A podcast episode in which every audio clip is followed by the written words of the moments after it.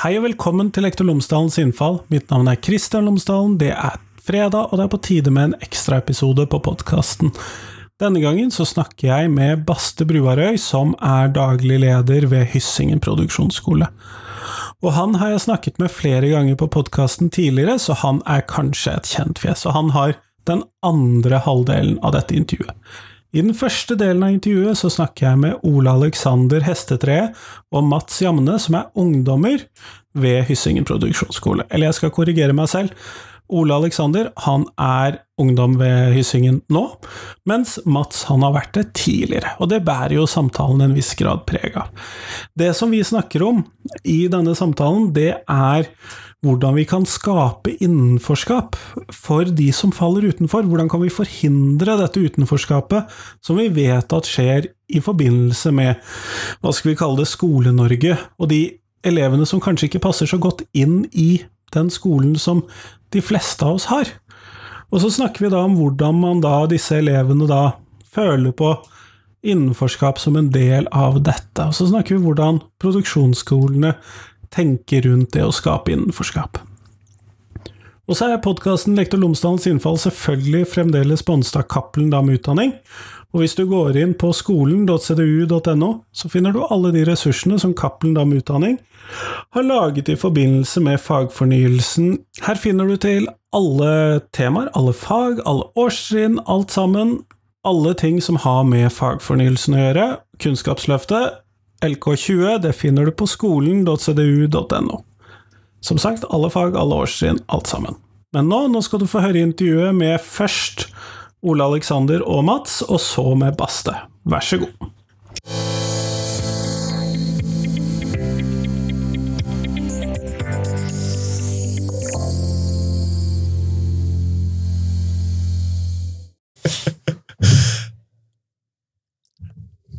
Yes. Mats Ole, tusen takk for at dere har tatt dere tid til meg i dag. Jo, tusen takk. Før vi sånn kommer helt i gang med denne podkastepisoden, så trenger jeg at dere forteller lytterne mine tre ting om dere selv, sånn at de kan få bli litt bedre kjent med dere. Og Hvis vi starter med deg, da, Mats. Jo, jeg heter Mats Jamne, jeg er 26 år gammel. Tidligere elev på Hyssingen produksjonsskole. Og ja, jobber på Pet Excel for øyeblikket. Kjempeflott. Uh, Ole? Hei, jeg heter Ole Alexander Odensvik Hestredt. Jeg er 22 år gammel, og jeg er ungdom på Hyssingen produksjonsskole, og jeg driver med musikk. Og denne episoden av podkasten skal jo handle om nettopp det å være ungdom på Hyssingen produksjonsskole, og vi skal snakke om innenforskap og en del sånne temaer. Men eh, hvordan har det vært, og hvordan er det å være ungdom på en skole som Hyssingen produksjonsskole? Hvis vi Hvem av dere har lyst til å starte? Jeg kan godt begynne, siden ja. Eh, så Jeg er en av de første elevene som, som begynte på denne skolen, og det var uh, veldig forfriskende. Uh, jeg gikk fra videregående, for to år jeg har prøvd å gå, droppet ut begge to, var ingenting for meg. Uh, og så fikk jeg holdt å si, tilbud om å begynne her, og det har hjulpet meg på veldig mange måter. Du, du lærer deg sjøl å kjenne litt bedre på en annen måte. Du har ikke det ansvaret som du har på en skole, eller en videregående skole. Eh, det er litt andre tilbud her. Og så er det også, som de sier her på Hysingen, så har du voksne ungdom. Det er det de refererer til deg og til seg sjøl om. Det er ikke lærer og elev, så det er ikke den autoritære rollen. Eh, så du lærer deg å kjenne da de, disse her såkalte lærerne, da, eh, på en litt annen måte. Du, du kommer litt tettere innpå dem. Eh, det syns jeg var veldig behagelig, kontra den autoritære rollen en lærer har overfor deg på en videregående skole. Hvordan ser du på dette, Ole? Jeg er litt i samme båt. Jeg droppet ut av videregående. Prøvde å gå om igjen, men eh, bare videregående var ikke noe for meg. Jeg har aldri vært særlig skoleflink, aldri vært interessert for det. Så jeg gikk jo et år uten å gjøre noe. Så fant jeg ut om Hyssingen gjennom oppfølgingstjenesten, og bare fant ut det å gå her var så forfriskende og digg. og mye mindre stress enn det var, og alt det ansvaret om å tenke på karakterer og alt det der. Så jeg ble kjempeglad av å gå på Hyssingen. Du får nesten litt mer selvtillit der, det. Sant. Men når dere da, hva, hva, har dere brukt dagen på? da? Hvordan ser dagen ut for deg nå, Ole, når du kommer på Hyssingen? når, vi kommer, når jeg kommer på Hyssingen nå, så er det Møter alle med et smil, sier hei til voksne her og ungdommene. Og eh, morgenmøte der vi eh, planlegger produksjoner vi har, og, eller om vi skal bare jamme for ikke å ha noe å gjøre. Egentlig bare passe på, alle, passe på at alle har det bra. Og, For oss så var det eh, veldig likt det han sier, da, at du kommer på skolen og sitter ned og så er det et morgenmøte. Men nå har jo de veldig mye mer å gjøre enn hva da vi gikk der, og det var jo midt i oppstarten.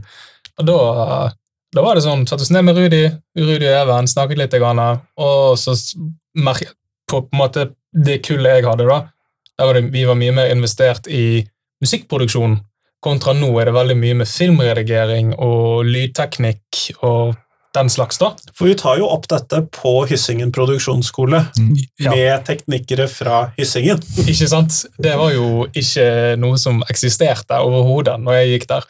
Så vi satt egentlig fra klokken ni på morgenen og satt og lagde musikk til alarmen gikk eh, på kveld klokken elleve. Det var det vi gjorde hver dag. Det var Ja. Det var, det var litt annerledes, for du har, nå, nå har du noe å gjøre. Så det er sånn, ok, du kommer på skolen. Ok, jeg skal gjøre dette. Nå skal jeg gå og fikse det for Rudi. Jeg skal fikse dette for en annen elev. Men det var ikke det ansvaret når vi var der. Men da produserte dere da musikk som, eh, en, som en del av den arbeidsoppgavene eller de tingene som dere da skulle lære dere? Yes. Så det var for eksempel, vi hadde et uh, uh, Hva er det? Bix? Uh, denne festivalen som er nede i Skostredet. Er det Bix det heter? Det er ikke det viktigste. Nei, ja, i. I hvert fall. Eh, da hadde vi opptak om å filme denne festivalen, og, eh, sånn at de kunne få bruke på en måte, få et produkt på slutten så de kunne legge ut. Og da var jo vi skulle jo lage noe musikk da, som gikk i bakgrunnen. og Det driver de på med enda, sånn, så da, da er det Ole som du holder på med. det. Ja. Da lager du musikk, og så legger du det over film. Altså Du har, liksom, du har et eget musikkverksted, og så har du film- og redigeringsverksted. da. Nettopp. Men disse tingene som dere da beskriver som dere gjør, og det at vi da sitter i egentlig et fullt utstyrt, toppmoderne streamingstudio, og for de som hører på dette, så blir vi faktisk også filmet, selv om vi ikke tror at denne filmen skal brukes til noe fornuftig. Eh, Det er kameraer der. Ja, ja, se der, ja. Det var én ting til å tenke på. Absolutt. Eh, Men dette krever jo en del kompetanse. Da. Du må jo lære noe. Hvordan har det vært å lære alle disse tingene knyttet til lydproduksjon osv., Ole? Ja, det har vært kjempefett. Vi har jo Rudi som er kjempegod på kamera, Så har vi Even som er toppmusiker og er veldig flink med musikkutstyr. Så vi liksom eh, Vi lærer oss Vi sitter med utstyret og går gjennom det og lærer hva hver ting gjør. Og så går vi ut på oppdrag og eh, lærer det da liksom. Det er mye bedre å liksom gjøre det praktiske. Hvordan var dette her i begynnelsen? For jeg regner ikke med at du visste hvordan du lydredigerte ting og lagde musikk for film, eh, Mats? Jeg har ikke peiling. Det var kaos. Ingen av oss hadde peiling. Um, Men hvordan var det å lære det? Gøy. Veldig gøy. Uh, jeg- husker tilbake på ungdomsskolen. Da hadde jeg noen, noen kompiser som drev og lagde musikk. Og jeg syntes jo det var så fett. Jeg syntes jo de var så kule. Uh, så dette var noe jeg hadde lyst til å gjøre òg. Men det fikk jo du ikke til. Så jeg lastet jo ned. Jeg gikk inn, jeg tror jeg piratkopierte et musikkprogram og satte meg ned og styrte på og hadde ikke peiling på hva jeg gjorde. La jeg den på hyllen. Kom jeg på hyssingen, og så åpnet jeg liksom opp uh, PC-en og så sa jeg, oi, her var det musikkprogrammer. Ok. Og så satte jeg meg inn, og så var det meg og en som heter Magnus. Vi var jo på en måte slåelig duo, hadde ikke peiling på hva vi gjorde. Satt og bare trykket på ting og fant ting ut litt etter litt. og Det var jævla gøy. Og så etter det så begynte jeg på folkehøyskole, der jeg utdypet meg i det musikkprogrammet. Men, og dette er jo kanskje litt personlig å spørre om, eller kanskje oppleves som litt ubehagelig, men eh, hva er deres opplevelse av mestring i skoleløpet før dere kom til eh, Hyssingen? Kunne dere si meg noe om det? Hvordan opplevde dere eh, mestring i skolen tidligere? Um, for meg så uh, Jeg slet veldig med skolen. Jeg har egentlig alltid slet med det. Uh, jeg hadde mye fravær og veldig mye sånn press. Så jeg var uh, Jeg var ikke komfortabel på skolen. Jeg var ikke komfortabel med meg sjøl. så jeg følte liksom uh, jeg skulket heller enn å gå, så det var ikke noe for meg. For meg var det ikke-eksisterende. Uh, jeg prøvde mitt beste. Jeg gikk på skolen og gjorde det jeg kunne, men jeg fikk det bare ikke til, og det gikk som sagt utover, det gikk utover selvtillit, det gikk utover selvbilde. Uh, jeg merket på meg sjøl at det ble bare uh, Dagene ble verre. Det var ikke den 'Å, oh, yes, skole'. Her på, på Hyssingen så er det sånn Nice, stå opp om morgenen, nå skal jeg på skole, dritfett. Det var ikke sånn videregående. Da, gikk det, da hadde det bare kjipt. Mm. Eller jeg hadde det i hvert fall. da. Men Startet dette tidligere enn videregående også, eller var dette noe som kom i løpet av videregående? hvis Jeg kan spørre om det? Jeg har hatt det hele veien. Eh, jeg har ikke jeg, jeg, har ikke noe bra jeg kan si om skole generelt, sånn fra på en måte mine opplevelser, mine erfaringer. Eh, det, nei, jeg, jeg, er ikke, jeg er ikke noe fan, i hvert fall. Nettopp. Ja, det, jeg begynte det på ungdomsskolen. Det gikk nedover. Jeg bare mista all selvtillit. og Jeg begynte å skamme meg at jeg ikke klarte å gjøre det like bra som alle andre. Så jeg følte meg veldig utenfor òg. Og så det å bli Jeg bare Ja. Mm. Men dette er jo veldig forskjellig fra det dere nå har fortalt om tiden deres eh, her på Hyssingen. Da. Fordi det, det, jeg opplever når dere forteller om den uh, jeg vet ikke om jeg skal kalle det skolehverdagen, men kanskje skolehverdagen, som her på Hyssingen, ehm, så opplever jeg at dere forteller om eh, mestring veldig mye. Ehm, kan det, eh, Stemmer det overens? Ja. Det jeg eh, snakket med Rudi for mange år siden, og der har de Hvis du ser på videregående, så er det veldig mye fokus på tingene du ikke får til. Det, det, er det de kommenterer veldig mye på. Det er ikke så mye på de tingene du er flink på, sant? men det har de her. Eh, de oppmuntrer deg mye, de skryter av deg. Eh, hvis du, du er ikke redd for å gå og vise dem sånn Hei, sjekk hva jeg har laget. Eh, jeg har jo et lydopptak fra den første sangen jeg noen gang lagde, som jeg viste til Rudi. Og jeg husker Rudi bare 'Dritfett! Ja, dritbra!' Og så jeg hørte tilbake på det senere og tenker bare hva, hva, hva er det han mener? Men ja, de, de, er veldig opptatt av å, å å løfte deg opp. da. Mm. Og det, det, merker du egentlig på egentlig alle som har gått der. Men eh, det er kanskje ikke så mye teoretiske aktiviteter her, eh, Ole? Nei, Vi har ingen timer, vi har, eh, vi har ingen teori. Alt er praktisk, og det, det er så digg òg. Det,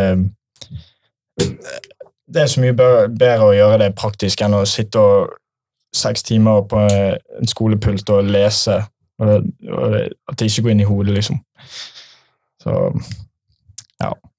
Eh, vi er egentlig nå midt i en sånn litt sånn spennende tid for uh, ungdomsskolen. Og dette har ikke jeg snakket med dere om på forhånd, sånn at uh, hvis dere bruker litt tid på å tenke, så går det helt fint. Men uh, man snakker om at man ønsker å gjøre ungdomsskolen mer praktisk. Og det mistenker jeg at dere sikkert ville satt pris på om dere nå var ungdomsskoleelever. Ja. Mm. men er det noen sånne ting som dere tenker at dette er det veldig viktig at politikerne tenker på når de skal designe en ny eller videreføring av ungdomsskolen, som ville gjort ungdomsskolen og videregående lettere for dere som elever. Hva skal til for at vi lager en ungdomsskole som ville passe for den andre elever som dere når den nye skolen kommer? Altså, eh, jeg har ofte tenkt på min far når han gikk på, på videregående skole eller jeg husker, jeg husker ikke. er litt, en av det, jeg, tror, jeg tror kanskje det var ungdomsskole. Eh, da sa han da hadde de et tilbud eh, der det var ikke så veldig akademisk, det var mer praktisk. Der du kunne gå og skru på ting, du kunne bygge ting, du kunne på en måte prøve, prøve og feile, finne altså, på, på, hvis, ok, La oss si hvis du går på ungdomsskole eller videregående. Du, peil, du, vet jo ikke hva du har lyst til å gjøre før du har prøvd noe. Og hvis du har en mulighet for å kunne prøve noe, sånn, oi, dette her likte jeg faktisk, det er jo gull verdt. Det, det ikke, altså, lag, altså, de lager jo et system som skal gå for en spesifikk type person, der folk må streve og svette og miste håret sitt for å komme seg gjennom det. Hvis de klarer å, å, bygge et system som kan være enklere for flere, så vil det være mindre folk som dropper ut, mindre folk som faller utenfor de sosiale normene. At du har eh, ja, nei, jeg, jeg, tror rett og slett at det, det, hadde vært gull verdt hvis de hadde gjort litt om på systemet. Hva tenker du, Ole, som du ville satt pris på hvis de Jeg er helt enig med det Mats sier. Tenker også Tilrettelegging er viktig for eh, de ungdommene som går der, og finne ut hva de er gode på, og hva de kan jobbe videre med, og få ekstra hjelp til det de sliter med. Så, Finne noe de er flinke på å bygge videre på. da. ja. Da skal jeg kanskje stille et litt vanskelig spørsmål, og det er jo alltid en viss fare for at eh, man tråkker over eh, noen norske sånne grenser for hva man kan si om seg selv i en eh, sosial sammenheng, men hvis dere nå ser tilbake på den tiden dere har hatt på Hyssingen til nå, og det begynner å bli en stund siden, Mats, for din del, kanskje, siden du, det er jo noen år siden du var ungdom her, men hva er det dere er mest stolte over av det som dere har fått til eller gjort av tiden deres på Hyssingen? Vi kan starte med deg da, Mats. Ja, eh, jeg tror det jeg eh, holdt på å si, er mest stolt over, må jo være Etter ungdomsskole og videregående så følte jeg meg veldig liten. Eh, og etter jeg begynte på, på Hyssingen, så har jeg klart å bygge opp mye selvtillit. og Bygge opp og se mine egne verdier og se hva jeg er god for. Og eh, Det syns jeg for min del har vært en, vært en redder for meg. Hva med deg, Ole?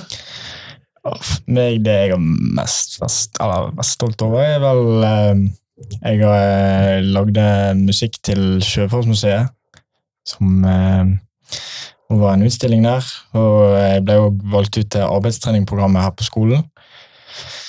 Som var veldig fett. Få betalt og Skal bidra med ungdommene som kommer her de neste årene. yes. Og eh, pass og ha har det bra. og ja, det har funnet meg sjøl igjen her på Øysingen, så jeg er veldig takknemlig for det. Da vil jeg bare si tusen takk for at dere var med på denne episoden. Takk for at du kunne komme. Tusen takk. Og da, Jonas, kan du få lov til å ta livet av opptaket.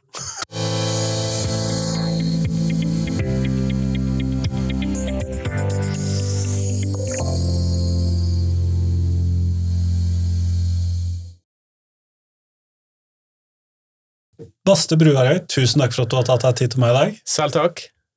Eh, Som alltid så må du nesten fortelle lytterne mine tre ting om deg selv, selv om du har vært med to ganger tidligere på podkasten. Ja. Nei, ehm, jeg er glad i å lage mat. Liker det godt. Mat i det hele tatt er, er viktig. Eh, og jeg er glad i eh, musikk. Jeg har faktisk house og teknomusikk, så jeg har alltid hatt en forkjærlighet for. Ehm, ja, og jeg daglig leder i produksjonsskole på Hva blir det, da? Snart, snart åtte, åtte og et halvt år. Sjefsvoksen. Så ja, begynner å forhåpentligvis eh, vite litt om det vi holder på med, da, og ikke minst disse ungdommene våre. Så litt av det vi skal snakke om i dag. Ja, og da- må du jo nesten starte med å fortelle litt hva er en produksjonsskole, eller hva er Hyssingen produksjonsskole, hvis, eh, siden, hvis lytterne ikke har hørt de to foregående intervjuene. Ja, jeg skal prøve å være kort på den. Eh, Vi er eh, en skole i regi av fylkeskommunen. Eh, Formålet er å forhindre frafall. Så du kan si alle de som begynner her hos oss, de har ulike grunner droppet ut av ordinær videregående. Eventuelt ikke begynt, men de fleste har gjerne begynt, og så, så eh, trenger de en, ja, en plattform for å komme seg i gang igjen. Vi er basert på den danske produksjonsskolemodellen. Um, og litt sånn idéhistorisk, bare for å forankre den der, da, så kan jeg si litt om det. da. Det er jo mye av Grundtvig sine tanker. Uh, Grundtvig var jo um, egentlig folkehøyskole sin far. Ja, for det er jo der vi ofte hører om det i norsk sammenheng. Ja, sant? Og, og dette med skole for livet. Og en av de tingene han, han fremmet, det var det at eh, det skal være en levende kommunikasjon mellom lærer og elev. Og at lærer vet jo mest, men når det gjelder viten om, om, om menneskelivet, så skal det være likestilt. Um, videre så er det, er det en god del av, eller basert det på en kar som heter Kerschensteiner, en tysk filosof. Uh, og John Dewey, ikke minst. Så dette med, med 'learning by doing', som, som ligger til grunn, liksom grunnlaget for, for pedagogikken og metoden. Dette er ikke den mest teoretiske skolen, med andre ord. Nei. Eh, og sist, men ikke minst, så er det en god dose med Kirkegård der. Eh, vi snakket om det mye i første, dette med danning og dannelsesbegrepet, eh, som ligger til grunn for, for, for det vi ønsker å oppnå, da. Eh, hvor egentlig overskriften lyder jo da 'danning gjennom produksjon'. For å forklare litt nærmere Jeg leste et sted at danning er et, et sterkt begrep som òg kan være litt vanskelig å definere. da. Uh, og For å sette det inn i kontekst til produksjonsskolene, så, så handler det om å sette seg selv til side, se seg selv i sammenheng med andre, se seg selv i sammenheng med samfunnet generelt, og kunne handle i disse omgivelsene. Så det um, det er kanskje en litt sånn dannelsesreise som disse ungdommene skal, skal, skal gjennom, da, hvor de skal trene i et, et, fellesskap og forhåpentligvis utvikle si, personlige egenskaper som gjør at de, at de er i stand til å ta gode valg og vokse både som menneske, men også faglig. Um, ja, um, jeg kunne snakket mye om, om, Men der har du i hvert fall litt av, litt av den bakgrunnen. da. Og for de som da vil høre deg snakke mer om dannelsesbegrepet i denne sammenhengen, så kommer det til å ligge lenker til de to tidligere samtalene ja, vi har hatt i ja, shownotesen. Det, det er bra. Um, men det vi gjør, er å, um, å skape noe som andre kan dra nytte av gjennom praktisk arbeid. Um, stort sett utfører betalte varer betalte varetjenester som vi leverer, men vi må gjerne, gjerne like gjøre noe samfunnsnyttig. Um, men det som er viktig, det er at ungdommene selv uh, føler at de er med på noe av betydning, at de skaper noe for andre, og at gjennom de prosessene at man får en um, Eh, at, det blir tent en gnist. At, at, de opplever denne mestringen som, som, som er viktig for, for, alle mennesker, tenker vi. Sant? Eh, og En av kongstankene eh, i produksjonsskolen er jo det at mestring, hvis man opplever mestring, så vil man automatisk ha mer.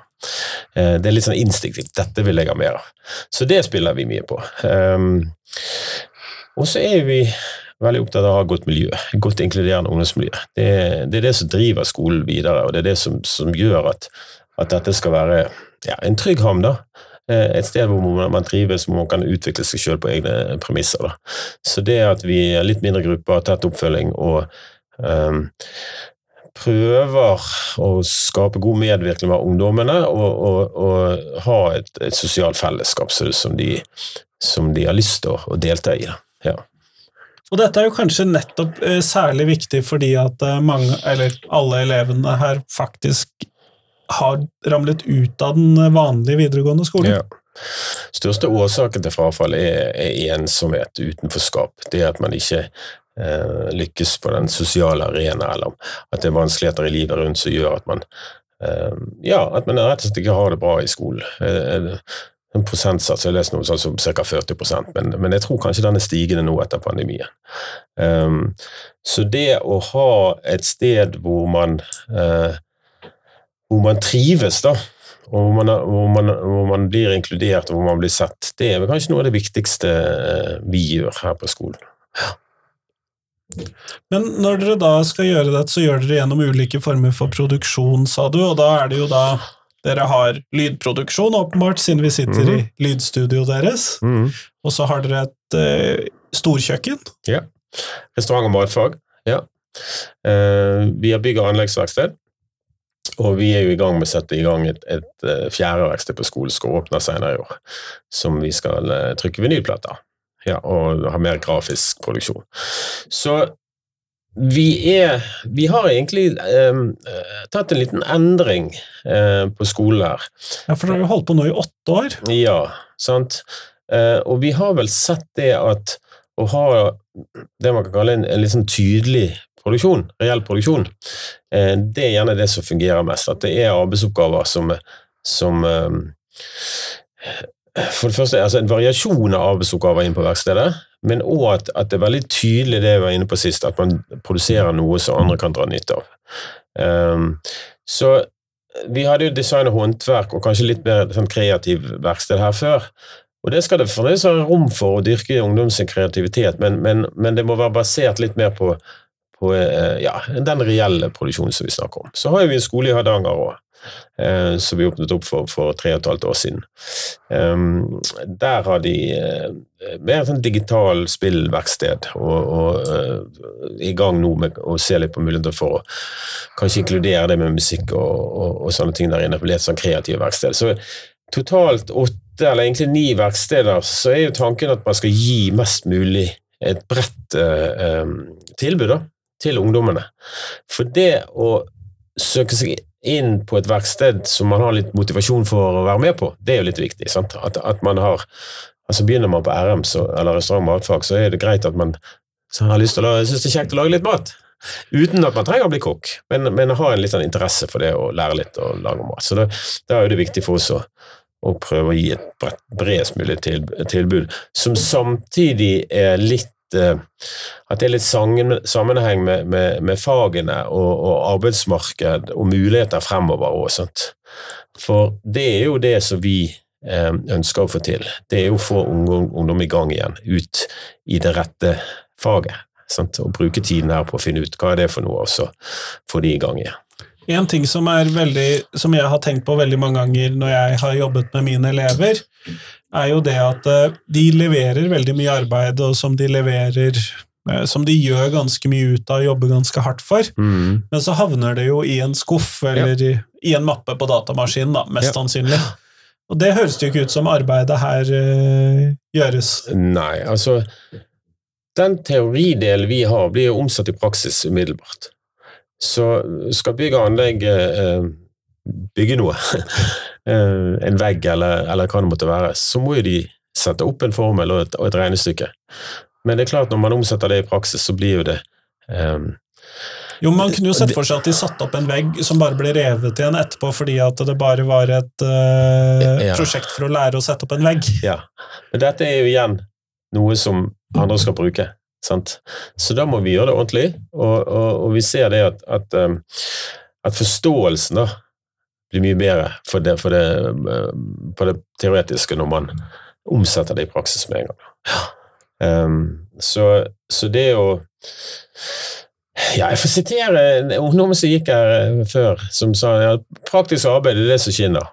Sant? Og Det er det danskene kaller den tredje vei til, til læring. Um, og det er jo ikke noen nyhet at praktisk, rent praktisk arbeid eh, er nyttig eh, for, en, for, for, ungdommer, og så er kanskje spesielt den ungdomsgruppen som, faller, som vi ser faller fra i ordinær skole. Eh, praktisk arbeid er en utmerket måte å bygge relasjoner på. Um, man bygger faglige relasjoner, men, men um, det vil òg oppstå um, ja, gode relasjoner mellom oss voksne og ungdom som gjør at vi kan eh, hjelpe dem på andre områder, ved at man får tillit, eh, ved at vi blir kjent hverandre gjennom det praktiske. Så, så setter vi oss i posisjon til å, til å hjelpe dem kanskje med, med, andre ting i livet som, som er vel så viktig enn en utdanning. Men, og dette er jo kanskje særlig viktig, fordi at jeg har jo nettopp pratet med noen av ungdommene dine her, mm -hmm. og de forteller jo veldig mye om mangel på mestring før de kom hit. Ja. Uh, hvor, hvor, viktig er dette med mestring for dere i dette arbeidet? Nei, det er jo, det er jo på mange måter det det handler om. Altså, vi, vi, ønsker jo at det skal bli tent en gnist i ungdommene, en interesse. Og så jeg var inne på, på i sted at, at det er noe man vil ha mer av. Eh, og det ser vi. Sant? De blir nesten så svamper noen. Sånn at 'oi, jeg fikk dette til', og, og, og, og, ikke minst den følelsen man har når man faktisk leverer fra seg noe som andre tar nytte av, da, om de betaler for det, eller, og, de får være med på hele prosessen og sånn. Så, um, og vi prøver jo hele tiden å møte ungdommen der hvor de er når de kommer inn på verkstedet. Um, uh, og finne den Altså, hvor skal vi legge listen ned? Men, men det må jo gå begge veier. Ungdommene må jo ønske selv å delta og være med på dette. Så, eh, eh, men hvis en ungdom kommer inn her, eh, får troen på seg sjøl, det er jo det det handler om, mestring, sant? begynner etter hvert å, å, å, kunne løfte blikket litt og se, se hvilke muligheter som finnes. Og hvis vi får de inn på et spor gjennom praksis, eller, eller noe sånt, så ordner jo ting seg. Da går jo det bra. Og det ser vi igjen og igjen og igjen. Um, men ungdommene må jo gripe muligheten. Uh, det skjer jo ikke av seg sjøl, for å si det sånn. Så man må jo på en måte ønske å delta. Men gjennom et, et godt miljø, gjennom uh, eh, prøve å finne produksjon, arbeidsoppgaver, eh, prosjekter som, som, de kan identifisere på, som de har lyst til å være med på, eh, så får vi ting til. Og da må jo kanskje det mer sånn tradisjonelle skolespørsmålet i denne sammenhengen Blir det noe læring av dette her, da? eh, jeg mener jo at verdien av utdanning på generelt grunnlag er sterkt overdrevet. Eh, når det kommer, hvis du får svare direkte på det spørsmålet der. Eh, det man lærer i barne- og ungdomsskolen, eh, lesing, NTR-matte, det, det, det, er veldig viktig. Sant? Altså god forståelse. Det som kommer senere i livet på gymnas om karakterer og universitetsutdannelse og sånn, jeg tror, den, jeg tror, det kan være ganske sterkt overdrevet. Og det finnes det mange eksempler på. Det de lærer, skal lære her, det er jo vel så mye om seg sjøl og samhandling med andre eh, som, som, fag. Eh, men igjen, praktisk arbeid Det er noe spesielt med det, med de relasjonene. Eh, det å, å, å, kunne delta i dette fellesskapet. Og, og, som jeg var inne på innledningsvis, man må først sette seg sjøl til side for å trene i fellesskapet. Um, og, og, det er ikke alle som kommer dit. Sant? Um, men jeg har lyst til å si veldig mye ja, et stort ja etter spørsmålet. men, jo, men det er jo mye eh, læring i praktiske ferdigheter. Ja, absolutt. Det er, det er både læring om de praktiske ferdighetene, men, men, men det er den uh, andre læringen som foregår. Sant? Særlig dette her med å um, uh, ja, se seg selv i sammenheng med andre og få ting til sammen med andre og fungere i samfunnet generelt. Sant? Det er klart Mange av de ungdommene som, som, um, som, kommer inn her på skolen, og, og gjerne ungdommer som, som, ikke blir søkt inn her, det, det, er jo uh, at man isolerer seg. Sant? Uh, så det å, det å, være med på noe, det å delta om noe sammen med andre, det er jo essensielt for, for alle mennesker. Sant? Og, der, og her har vi en fin arena til å gjøre akkurat det. Ja. Har du merket noen forskjell på denne iso... Eh, fordi at du trekker fram dette med isolering, og da er det jo veldig lett å koble det til pandemien. Har du, mm. har du, merket noen endring på dette i forbindelse med pandemien? Ja, det, det har eh, Det er blitt et økende problem i samfunnet. Det, det, kan, det tror jeg alle vi som jobber med, med ungdommer og, og, Jeg har snakket med mange ungdommer, sånn, alle, alle, altså enkelte rådgivere i OT og de som har tett oppfølging på ungdom. Og vi ser, vi ser det samme, at uh, at den graden av uh, utenforskap den, den, den, har økt etter pandemien. Um, rent konkret her på skolen så har vi et mye større frafall på, på Hyssingen enn vi har hatt tidligere. Det er ikke bare linket til det, men, men det ligger noe i de tallene som sier at her, her, er det et økende problem. Så det, å, det å, å, å skape flere arenaer for uh, hvor, hvor uh, disse ungdommene kan, kan, komme seg ut og møte andre og være en del av fellesskap, det tror jeg er utrolig viktig nå fremover. Hva tenker du ligger av muligheter i nettopp disse produksjonsskolene da, for å være med på å skape det derre Skape mer innenforskap, rett og slett? Fordi vi vil jo ha mindre av det der utenforskapet som du peker på. Ja. Nei, altså vi vet jo at vi, at vi bidrar til å uh, skape innenforskap. Um, og det tror jeg uh, veldig mange ungdommer etter hvert kan, kan uh, dokumentere, eller si at, de, at, det er noe av det viktigste de har fått ut av å delta på profesjonsskolen. Det er akkurat det å eh, Ja, altså få seg en, Kom inn og kanskje få seg en venn.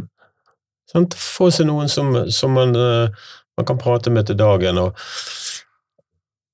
Det ble sagt fra en ungdom um, tidligere som sa det at når de kommer inn på, på, på skole her om morgenen så blir de gjerne møtt av 'kjekt å se deg'. Sant? God morgen, godt å se deg. Og, og, hun beskriver det som at det, her, her, mener de det. Sant? Her faktisk mener, mener de det, og det, det, kan jeg jo skrive under på. Vi blir glad for å se dem, vi. um, og det er jo noe man ikke nødvendigvis får til i vanlig skole. Men for at vi skal havne der, så må jo vi skape de relasjonene til ungdommene. Sant? Og det, um, jeg tror bare en sånn liten ting som det. Sant? Det er at, at uh, her, her, kommer de inn, og, og, og, her er det faktisk noe som vil de vel, og faktisk blir glad for å se dem. Um, og jeg tror et eksempel på det, det er stadig vekk at de ungdommene som har gått der, kommer tilbake og besøker oss. Mats som var med tidligere, han, han gikk jo her før og, og kommer innom og, og, sier hei, og det er alltid like kjekt. Så det, jeg tror de føler en sånn ja, en ganske fin tilknytning til, til skole, og, og, og, kanskje har vært litt sånn stolt over å ha gått der og, og, vært med på dette, særlig sånn i oppbyggingsfasen. Så, så eh, vi, er- vi er en god, god arena for, for å motvirke utenforskap, helt klart. Men opplever du at politikerne tar eh, både problemstillingen og dere som skoleslag eh, alvorlig nok? Uh, mer og mer, ja, det vil jeg si. Ehm, det ble jo Egentlig var jo det gamle Hordaland fylkeskommune, sant? For det er jo bare her i Hordaland dette finnes. Ja. Eh, eller de liker veldig godt at nå er vi i Vestland, da, men, men det ble jo startet i, i gamle Hordaland, ja. Eh, nå er vi blitt nevnt i nye eh, eh, fullføringsreform som er kommet. Eh, og vi har enstemmig storting med oss på at eh, produksjonsskoler er noe de ønsker å satse videre på. Eh, men nå har det gått åtte år, og vi er fremdeles de to eneste i landet. De har hatt et, prøvd å få i gang noe i, i Trøndelag, men jeg er litt usikker på hvor de ligger an der. Og, ehm, det er godt dokumentert at, produksjonsskole er en, en, eh, en veldig eh, god måte å, å forhindre frafall på. Da. Altså det, vi kan, det kan vi vise til veldig gode tall på det på videreføring. Så håpet nå er jo at, at regjeringen kan, kan bevilge en, en, eller Stortinget kan bevilge en større pott med penger som gjør at eh, flere eh, fylker kan søke og få i gang sånne skoler. Ja, for dere har jo ikke akkurat ubegrenset med plasser. Nei. Eh, vi har 40 her og ja, nesten 40 i Hardanger, så en totalt 75 plasser. Men hos oss er jo det kontinuerlig inn- og utskrivning hele året. Um, så her vil det være litt sånn ulikt antall ungdommer inne samtidig, da. Men, men det skal være minst 40 ungdommer, sånn gjennomstrømmingstall, da, i løpet av et år. For det kommer litt an på når de begynner, og når de eh, eventuelt er klare for å ta videre, og ja, litt sånne ting. Ja, det eh, Man tenker jo ofte på skolen som et litt sånn A4-system, hvor det er noen forutsetninger som ligger der, og det er noen rammer og sånn, og dette her er jo eh, en ganske annerledes skole på mange måter. Mm. Uh, altså det som, det som er veldig annerledes, eller det som gjør at, at, uh, at, vi, eh, at vi får ting til, da Uh, altså Vi er jo ikke underlagt opplæringsloven. Eh, vi følger ikke noen læreravtale. Vi har ikke noe pensum, vi har ikke noen karakterer. Eh, vi er jo per definisjon ikke en skole. Eh, vi, vi, eh, vi er det man, vi kaller et OT-tiltak. Så vi ligger egentlig i sånn krysningspunktet mellom bedrift og skole. Um, og det at ingen utenfra forteller oss hva vi skal gjøre Jeg har stilt det spørsmålet til liksom rektorkollegaer. rundt. Tenk deg, tenk deg en hverdag. Tenk deg en skoleuke eh, hvor du eh, kunne gjøre eh, Hvor du på en måte slapp å forholde deg til alle de kravene og, opplæringslov og sånne ting. Og da bare smiler de og ja, ja, jeg vet ikke om de tør å tenke tanken engang. Men eh, og, og, og ja, det er jo kanskje grunnen til at vi lykkes, for det at vi sammen med ungdommene kan utvikle skolen. Og vi er i stadig utvikling. Um, vi har en god plattform, um, men en av våre styrker er at vi, vi, vi prøver hele tiden å se etter uh, hvordan kan vi sammen med ungdommene bli enda bedre som skole, hvordan kan vi legge bedre til rette for å motta uh, stadig mer sårbar ungdom. Um, så nå er vi i litt sånn evalueringsprosess rundt det. da. Um, hvor vi har en del tanker om at vi skal starte opp et, eh, et litt sånn fritidstilbud i tillegg. For den gruppen som gjerne ikke eh, klarer å være her akkurat nå, men trenger, trenger et sted å være. Og trenger å møte andre mennesker. Um, Som kanskje også da kan bygge opp en trygghet til lokalene og til eh, skolen Ja. over tid. da. eventuelt rekruttere inn. Ok, du er ikke gjerne klar for Hyssingen, men, men begynn her. Og det er i samarbeid bl.a. med Griegakademiet, som vi har samarbeidet mye med før. Eh, som går på musikkterapi. Og vi skal også ta inn dette med spill. og Um, men det kan vi kanskje snakke om en annen gang. hvis det, Først og fremst nå er vi midt i søkepenger, men til høsten så har vi planer om å starte opp det. For akkurat for det som vi snakket om i sted, at det er et økende behov. Utenforskapet blir større og har blitt større etter pandemien. Så da uh, prøver vi å få til noe som eh, som kan bety at, at en del isolerte ungdom kommer seg ut og ja, rett og slett eh, være som andre. Det er det det handler om. sant?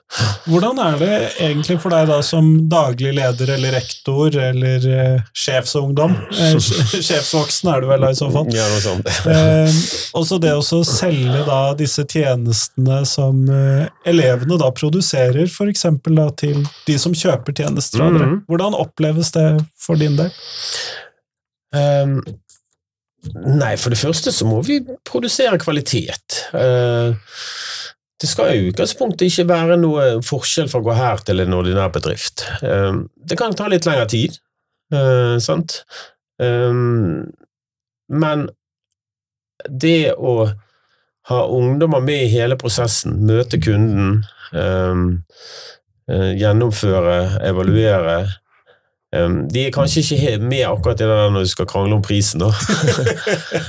men men det, det ser vi at det, det, det er viktig, sant? at de får være med. Um, men eh, vi har nå etter hvert fått flere gode kunder som, som bruker oss fast. da.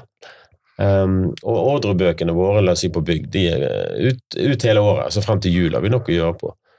Um, vi begynner å se litt på ok, det er ikke bare penger som, som Selv om vi må tjene penger som del av vårt budsjett. Um, men gjøre noe um, uh, innenfor miljø. Eh, Senest i dag hadde vi besøk av en, skole fra Spania, du, som du så. Sant? Gjøre litt flere internasjonale prosjekter. Um, vi har et veldig uh, bra uh, samarbeid med Matsentralen når det gjelder overskuddsmat, produsere eh, middagsretter som vi deler ut til de som trenger det. Så, så eh, jo da, eh, betalte tjenester absolutt, og der, der skal vi levere, og, og, og vi priser oss eh, fornuftig. Sant? Altså begge parter skal være fornøyd. Men jeg Men- hører jo at det blir ikke noe mindre krav da, for, for de så, ungdommene som er her. Det høres ut som at det kravet som man kanskje kan oppfatte innenfor en sånn teoretisk skolehverdag, den Mm. kan jo oppleves som ganske høyt. Og så ville jeg anta at noen i løpet av episoden av de som hører på, har tenkt dette er jo et sted man da slipper litt unna. Men det høres Mm. ut som øh, du står ansvarlig for å produsere og gjøre noe ordentlig, da, for å si det sånn. Um, men det er akkurat det som er litt av poenget òg. Dette med eh, produksjonsnødvendighet. Så, sant? Um, fallhøyden kan være stor her, særlig her på dette verkstedet vi sitter på nå. Vi har en digital konferanse som Helse Bergen har leid seg inn, eh, og det er 3000 mennesker over hele verden som følger med på dette. Det, det, det har jo vi gjennomført her. Og hvis ting ikke virker med teknikken nå, Da blir noen stressa. da blir ja. Sånn? Men hvis vi øver oss, forbereder oss på det, klarer å gjennomføre det, så er jo gevinsten desto større i andre enden. Altså den mestringen. Mestringsfølelsen må jo være helt enorm. Absolutt. Sant? Og det gjelder på alle verkstedene. Sant? At ok, kunden, vi, vi skal gjøre det innen innen den tidsfristen, og da må vi få det til. Så går vi på noen smeller innimellom. Altså Kanskje ungdommer faller fra, vi har ikke nok for, kanskje de voksne må gå inn og gjøre litt mer enn det vi egentlig eh, burde ha gjort. Sant? Men utgangspunktet er jo at alt skal gjøres av ungdommer. Um, men å holde en sånn eh, Holde oppe bemanningen på alle verkstedene hele året for å gjennomføre alle prosjektene våre, det er jo en utfordring. Og det skjønner jeg jo. Ja. Eh, men du skal ikke være redd for å stille krav til ungdommene. Sant? Eh, så lenge de er trygge, og så lenge de, eh, de har tent denne gnisten, sant? og så lenge de vet selv at dette her kan vi få til, så, så vokser så skal, Ungdommen skal bli stilt krav til dem. Er ikke det en del av utfordringen i samfunnet at det blir stilt for lite krav til kanskje eh, unge, unge mennesker? Jeg vet ikke, jeg. Um, men jeg tror nok at i den vanlige skole, ordinære skole, så er en del av utfordringen at en del av ungdom stiller for høye krav til seg selv. Sånn, denne her med, Vi tror vi har snakket litt om flink pike og dette her. At, eh, og det har endret seg veldig fra når jeg gikk på skolen, syns jeg. da. Um, men for å svare bare kort på spørsmålet ditt, så, så er det eh, veldig fint å gjennomføre et prosjekt, få betalt, eh, som går rett inn i skolens budsjett. Eh, eh, vi har vært, alle har vært med på det, og, og vi ser liksom et, et sluttprodukt, da, og det blir betalt for de tjenestene. Så, så det er en god følelse å sende ut en faktura, syns jeg. Det skjønner jeg kjempegodt. Eh, Baste, tusen takk for at du tok deg tid til meg i dag. Du, for tredje gang, Kristian. Alltid hyggelig å ha besøk av deg. sant? Og så stå på videre med det, det, du holder på med på Asker. Så det er veldig fint at, at alle i Norge får, får et litt nyansert syn på, på, på skolen. For uh, vi, har, uh, vi, har, litt å uh, forbedre der, syns jeg. Da. Så det skal jeg avslutte med å si akkurat det.